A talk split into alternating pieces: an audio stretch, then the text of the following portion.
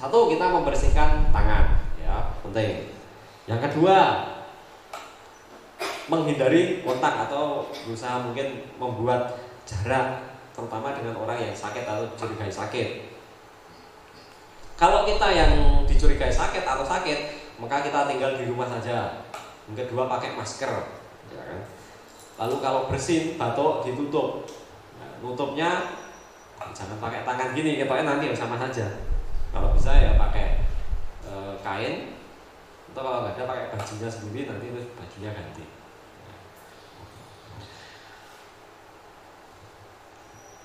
Nah, kita masuk ke herbal apa yang digunakan. Ya kan? Karena kalau kalau kita menebak-nebak herbal apa, ini sulit karena apa? Penyakit ini penyakit baru sehingga tidak ada atau belum ada riwayat pengobatan. Ya kan? Kalau penyakit-penyakit yang sudah umum ini kan ada. Oh, darah tinggi, oh pakai seledri bisa. Pakai kumis kucing bisa. Ya kan? Ada riwayat-riwayatnya gitu. Ya enggak? Oh, kutilen. Oh, pakai getah daun awar-awar. Diabetes. Oh, pakai sambiloto. Itu ada riwayatnya. Ada catatan penggunaan oleh apa namanya e, nenek moyang kita atau orang-orang dahulu. Lah ini oh, ini penyakitnya baru kemarin. Ya, baru Desember. Belum ada riwayatnya. Lalu apa yang kita lakukan? Pendekatannya. Kita melihat penemuan-penemuan saintifik. Kalau kita sudah bisa melihat tadi yang saya terangkan bagaimana virus itu bekerja, mekanismenya bagaimana, kita berarti bisa menghentikan perkembangan virus, bukan membunuh. Nah, membunuh sulit karena dia itu hidup aja ada yang mengatakan dia itu tidak hidup. Bagaimana yang benda yang tidak hidup dibunuh?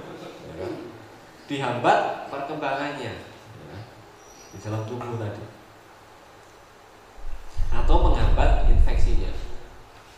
Proses yang saya terangkan panjang lebar tadi, kalau kita rangkum sebenarnya hanya satu slide ini, ya kan? Mulai dari virus masuk tadi lewat reseptor apa? AC2. Sehingga kita harus mencari bahan kimia atau zat dari tanaman yang bisa mengeblok AC2. AC itu angiotensin converting enzyme 2. Ini reseptor. Loh, apa itu tanamannya? Apa itu zatnya? Sudah ada beberapa. Kalau AC-nya ini diblok, maka virus datang, dia terikat enggak? Enggak, karena virusnya sudah diduduki. Eh sorry, reseptornya sudah diduduki. Lalu virusnya bagaimana? Dia akan dihancurkan oleh kekebalan tubuh kita atau akan oleh tubuh kita akan dikeluarkan kembali atau di e, nonaktifkan. Ya. Tapi masalahnya kalau ini sudah sampai masuk, nah ini sehingga yang pertama, yang paling awal adalah mencari zat senyawa tumbuhan yang bisa menghambat reseptor atau menduduki reseptor AC2. Nah, makanya itu satu target pertama, ya kan? Kita mencari tanaman yang begituan. Berinteraksi dengan reseptor AC2. Apa itu? Diketahui senyawa kimianya itu namanya emodin. Ini struktur kimianya. Ini kalau yang SD SMP nggak ngerti ini kayak mahtawan mulai. Ya. Kalau yang kuliah pun sudah tahu ya. struktur kimianya semacam ini. Itu ada pada satu lidah buaya. Tanaman lidah buaya loh, untuk ilat boyo. Ya. Bukan krokodil. Ya, tapi lidah buaya, tanaman lidah buaya itu dan itu mudah sekali di sini apanya nggak ada baru kira antek kayak gitu. Nah, itu bisa untuk pencegahan diolah untuk pola hidup sehat yang kedua kelembak itu pada akarnya akar kelembak tanamannya seperti apa di sini saya tunjukkan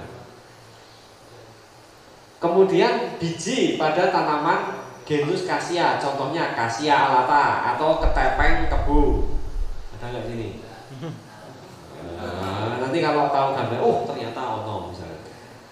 Kemudian kacang Jawa atau Sena opti optusifolia. Kemudian jati Cina atau Sena alexandrina. Ini tanamannya ini. Ya, jelas nggak? Nah, lidah buaya nggak perlu karena anda sudah tahu. Kelembak kayak gini, daunnya seperti ini, gede daunnya. Wah, tegel-tegel ini.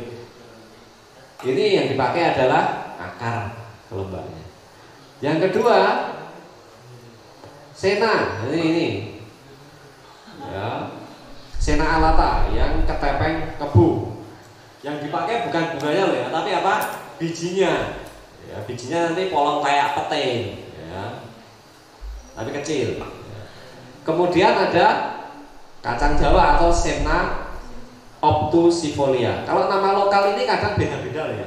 Yang penting anda ngerti tanamannya ini ya. Kalau namanya mungkin orang yang nyebut ini bukan ketepeng kebu, mungkin dia menyebutnya beda lagi, bisa.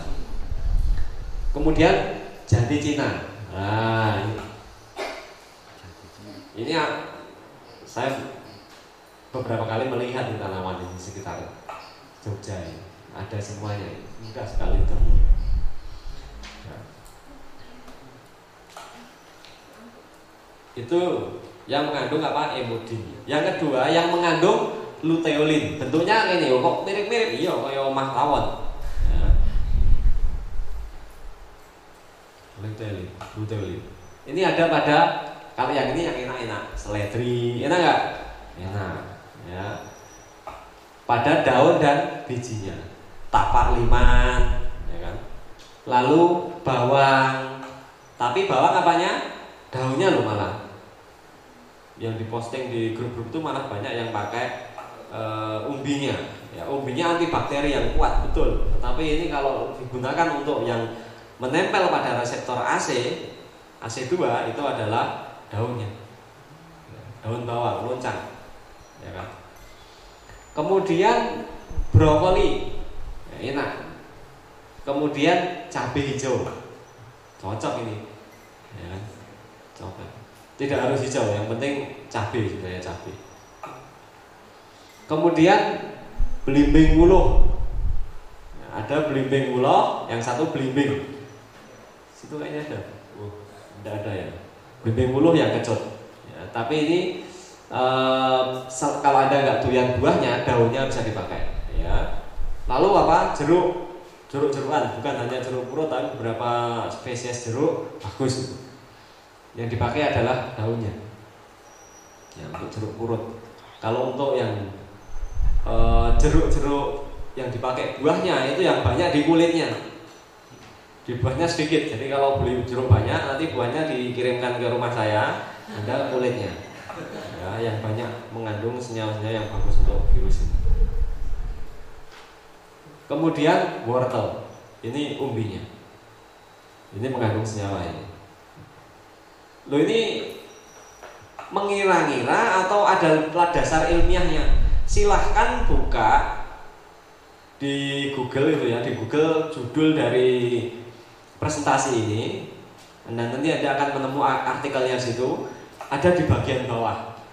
Jadi ini hasil penelitian ilmiah semua, bukan ngarang-ngarang, ya, bukan titen-titen ya. Tapi itu adalah hasil dari ada sekitar 37 artikel yang ada di situ. Ya. Mayoritas berbahasa Inggris. Ya. Tapi sekarang ada Google Translate kan, jadi bisa di translate ke bahasa Indonesia, bahasa Jawa bisa. Ada kan di pondok yang ditranslate ke bahasa Arab misalnya. Nah ini nanti yang dimaksud blimbing wulo yang mana? Yang kuning atau yang hijau? Yang hijau. Nah, ini, ini beda lagi. Nah, kalau ini apa ini? Apa? Nama lokalnya apa sini? Ini loh tapak liman ini loh, tapak liman. Ini, ini nama lokalnya apa di sini? Ada tuh ini lapangan-lapangan kebun-kebun itu, ya kan? Uh, dikira suket gitu ya. Padahal itu namanya tapak liman atau Elephantopus caber. Itu bisa dipakai daun dan bunganya mengandung senyawa luteolin. Tapi jangan salah, ada yang mirip. Namanya apa ini? Oh, iya.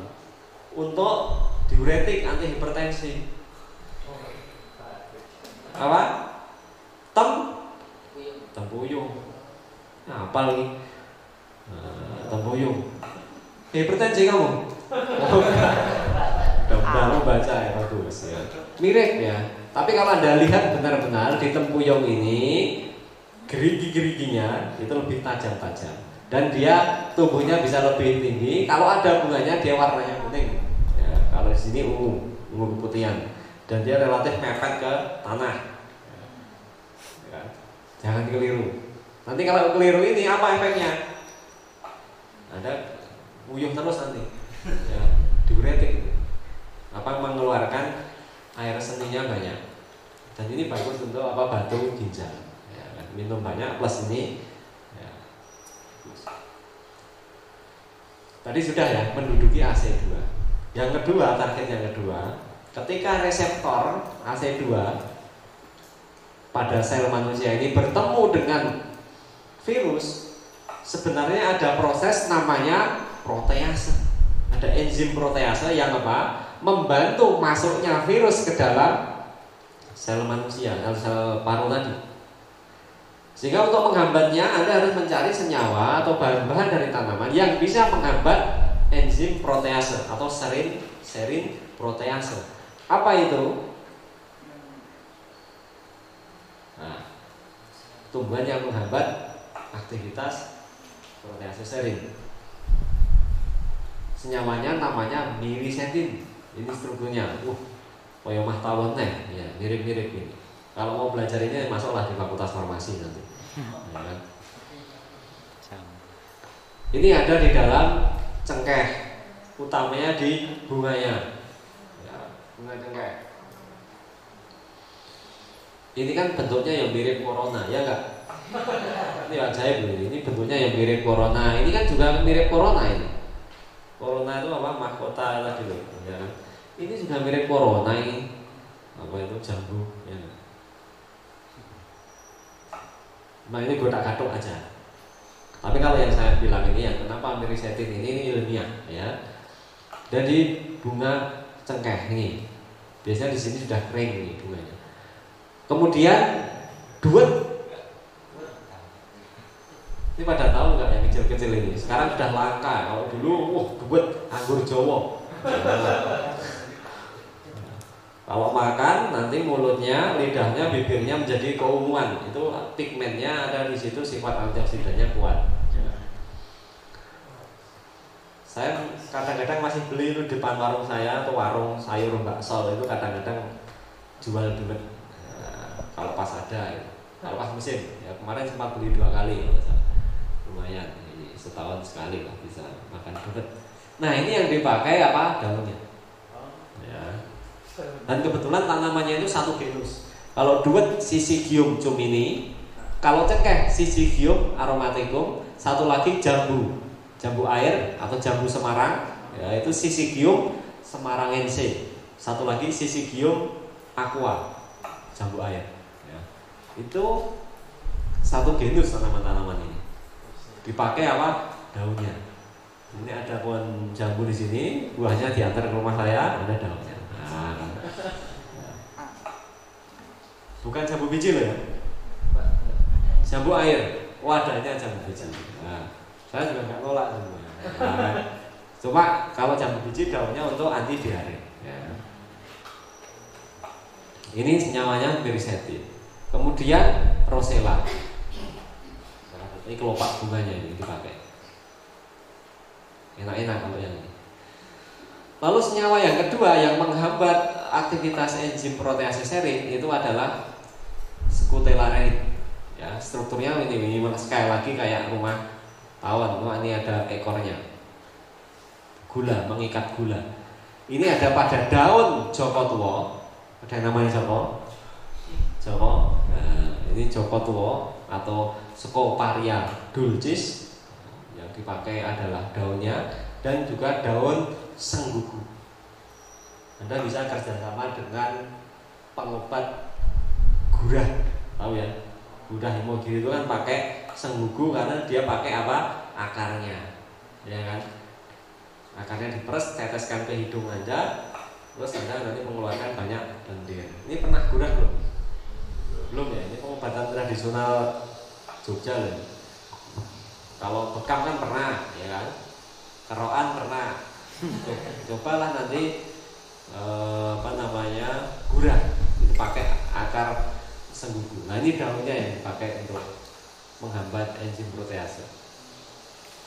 Kemudian yang ketiga, ini tidak saya tulis di dalam artikel. Pak Purwanto atau yang mau nulis ini, Purwanto dulu yang pernah sini juga.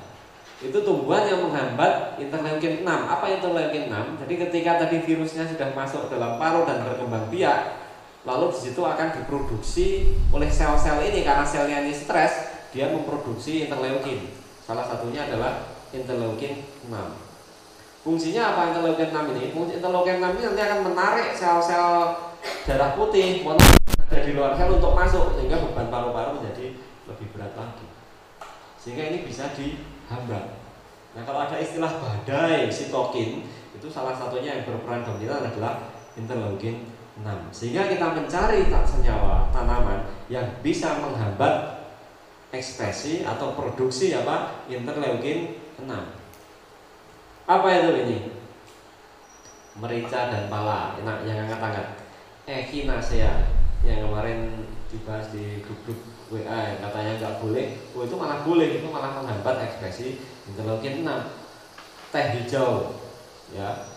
Kemudian jinten hitam, habatus sauda, ya kan? Apigenin, seledri, kunyit, temulawak, anggur, oh enak tenang. Daun ketela pohon buat padang. Minyak ikan propolis. Cocok nih campur madu ya kan? Lombok wow jadi nasi pakai sambal lombok. Terus lauk sayurnya daun ketela pohon sambal padang ada lomboknya lagi. Nasinya nasi kuning ya ada kurkuminnya. Terus minumnya madu ada propolis. Apa ada yang minum minyak ikan nah, ada atau lauknya ikan salmon minyak ikan ikan yang ikan ikan hiu atau ikan salmon. Lalu buahnya adalah mana ini? Pala. Pala buah pala bikin kantor juga. Baru turun. Nah, ini senyawa Oh ternyata seledri ada luteolin ya bisa juga untuk menghambat ngelukin 6 tapak liman juga oh, berarti itu bagus termasuk juga e, cabai Nah tanaman-tanaman ini saya yakin Anda sudah tahu ini kecuali mungkin sini yang agak sulit adalah yang Echinacea. Ya. Ini tanamannya.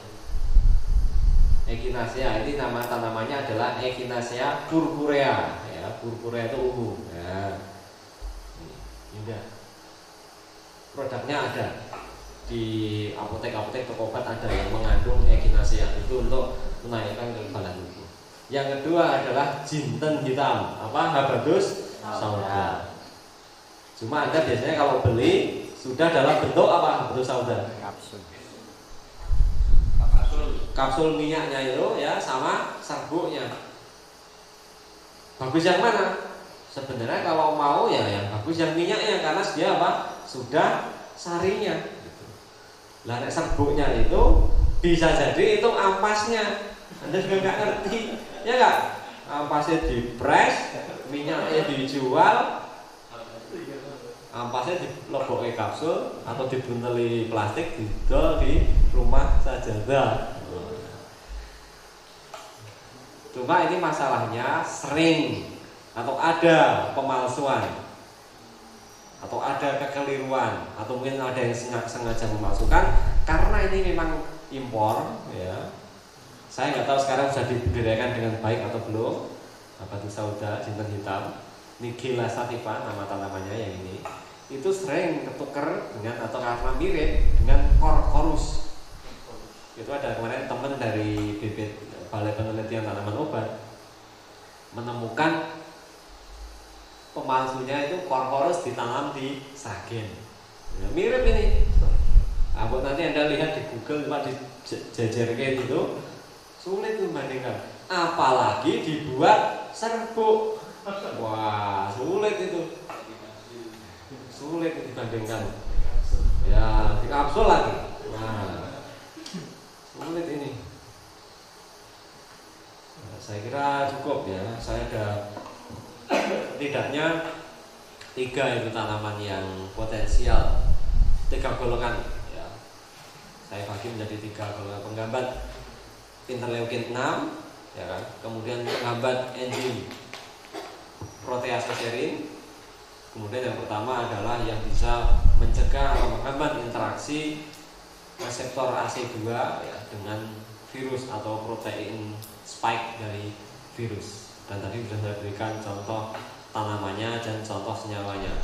Apakah senyawa itu hanya ada di tanaman ini? Enggak. Kalau ada perlu tanaman yang lain silahkan di browsing misalkan luteolin ada di tanaman ada apa saja.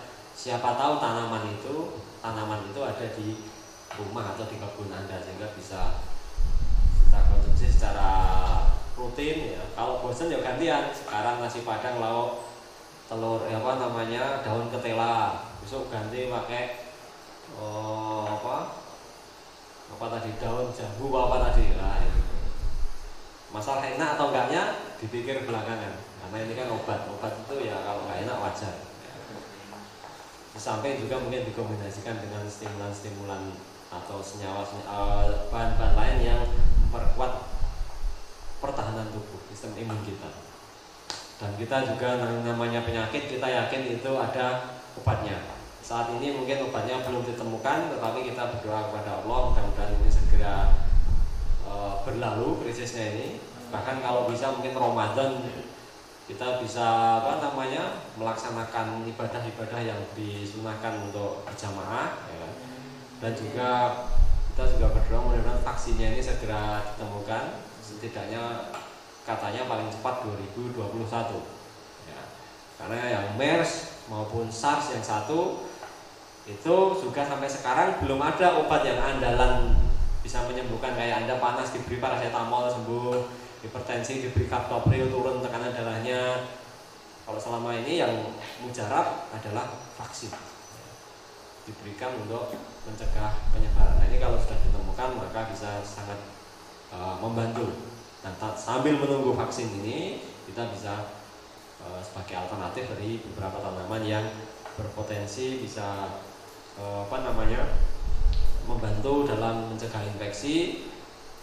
Yang namanya saja potensial ya. Berarti masih memerlukan penelitian pada manusia karena ini tadi ujinya sebagian besar uji in vitro ya atau pada uh, uji laboratorium bukan pada manusia ya, kalau uji manusia itu namanya uji klinik.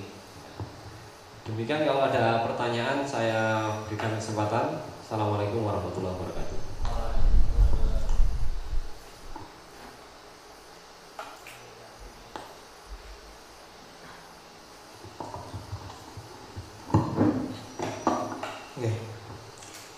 uh, Wahyu apa ada pertanyaan dari Instagram mungkin atau mungkin dari sini ada yang mau bertanya silahkan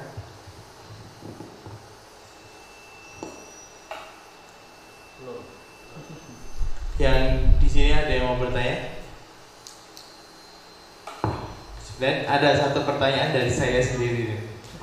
Itu uh, tadi sudah disebutkan berbagai macam tanaman yang secara mudahnya dengan menghambat infeksi gitu. Itu untuk dosisnya sendiri dalam pemakaian kesehariannya itu gimana? Baik, terima kasih atas pertanyaannya. Untuk menentukan dosis, karena ini pemakaiannya pada manusia, ini kita belum bisa memastikan secara pasti. Karena ujinya, namanya ini penyakit baru ya, ujinya ini baru dilakukan belum ada yang pada manusia sehingga kalau ditanya berapa takarannya yang pasti untuk mencapai efek terapeutik atau efek penyembuh efek yang diharapkan ini kita belum bisa memastikan secara pasti. Tapi kita setidaknya mengetahui pada uji-uji in vitro. In vitro ini sebagian besar dilakukan pada uji tabung atau menggunakan sel ya. Beberapa uh, kalau yang satu lagi namanya ujinya itu in silico ya in silico itu baru apa prediksi pakai komputer. Itu semakin jauh lagi. Kan yang paling mendekati adalah uji klinik pada manusia. Dosisnya bisa langsung kita ketahui. Lalu kalau nggak bisa pakai hewan. Kalau sudah pakai hewan maka dosisnya itu sudah bisa diperkirakan. Ya. Misalkan ya ujinya ini nanti ada browsing tanaman apa di artikel saya itu ada di bawahnya Anda cek berapa dia di, e, dosis ujinya? Misalkan dia diuji di tikus ya. Itu ada metode konversi dosis tikus kepada manusia. Dosis mencit kepada manusia. Nanti dikalikan faktor konversi. Nanti ada cari di Google faktor e, konversi dosis tikus ke manusia atau mencit ke manusia. Jadi dosisnya itu tinggal anda kalikan. Jangan lupa bobot manusia Indonesia itu rata-rata adalah 60% naik masnya ini mungkin 80 oh lebih. Nah, disesuaikan sendiri. Kira-kira kalau ada yang ini eh, 50 disesuaikan. Jadi beda dosisnya adik ini dengan mas ini mas. Ya. ada. Tapi kalau ujinya baru ke level seluler enzimatik yang pakai tabung itu agak sulit maka kita takar-takar aja kalau secara tradisional itu kalau kering patokannya biasanya 7 sampai 10 gram kering ya. kalau untuk apa namanya siprisia batu jamu itu ya. sehingga kalau uh, ujinya baru level-level yang masih uji tabung, uji sel ini belum bisa karena dia belum menggunakan sistem hidup. Tapi kalau sudah ke hewan, ini sudah bisa dikonversi. Tentu saja harus melihat satu persatu penelitiannya tadi. Dan saya nggak hafal ini ini berapa ini berapa ini berapa gitu. Silakan itu kalau anda mau apa mengeksplorasi lebih jauh bisa dilihat di hasil penelitian itu. Tapi setidaknya tanaman-tanaman ini menyehatkan lah untuk untuk apa konsumsi apa kalau bisa harian atau apa ya untuk mencegah jadi niatkan Bismillahirrahmanirrahim misalkan daun ketela itu kan kandungan proteinnya uh, tinggi itu selain nanti oksidan dan juga memiliki keuntungan yang lain. Jadi kalau cabai, wah, nah itu nek raduan pedes ya jangan makan itu. Karena nanti dosisnya capsaicin misalkan diperlukan sekali makan setelah dihitung cabenya satu gram misalnya berat itu. Padahal satu gram sekilo, satu gram sedikit wah sekilo cabai sehari. Waduh. Ya. virusnya mati. Eh bukan mati. Virusnya bisa dicegah infeksinya. Tapi apa? Waduh. Bisa masuk rumah sakit karena iritasi atau diare. Wah itu. Atau mungkin virusnya mati bukan karena target-target tadi karena apa? Kepedesan enggak itu ya saja gitu. Nggih. Alhamdulillahirrahmanirrahim Telah selesai untuk kajian kita di Haji pada pagi hari ini. Semoga-moga ilmu yang kita dapatkan bermanfaat bagi kita di dunia Dan menjadi amal soleh pemberat timbangan kebaikan kita di akhirat. Amin amin ya rabbal alamin. Mari tutup dengan doa kafaratul majlis. Subhanallahumma wa bihamdika asyhadu an la ilaha illa anta astaghfiruka wa atubu ilaik. Demikian wabillahi taufiq wal hidayah. Assalamualaikum warahmatullahi wabarakatuh.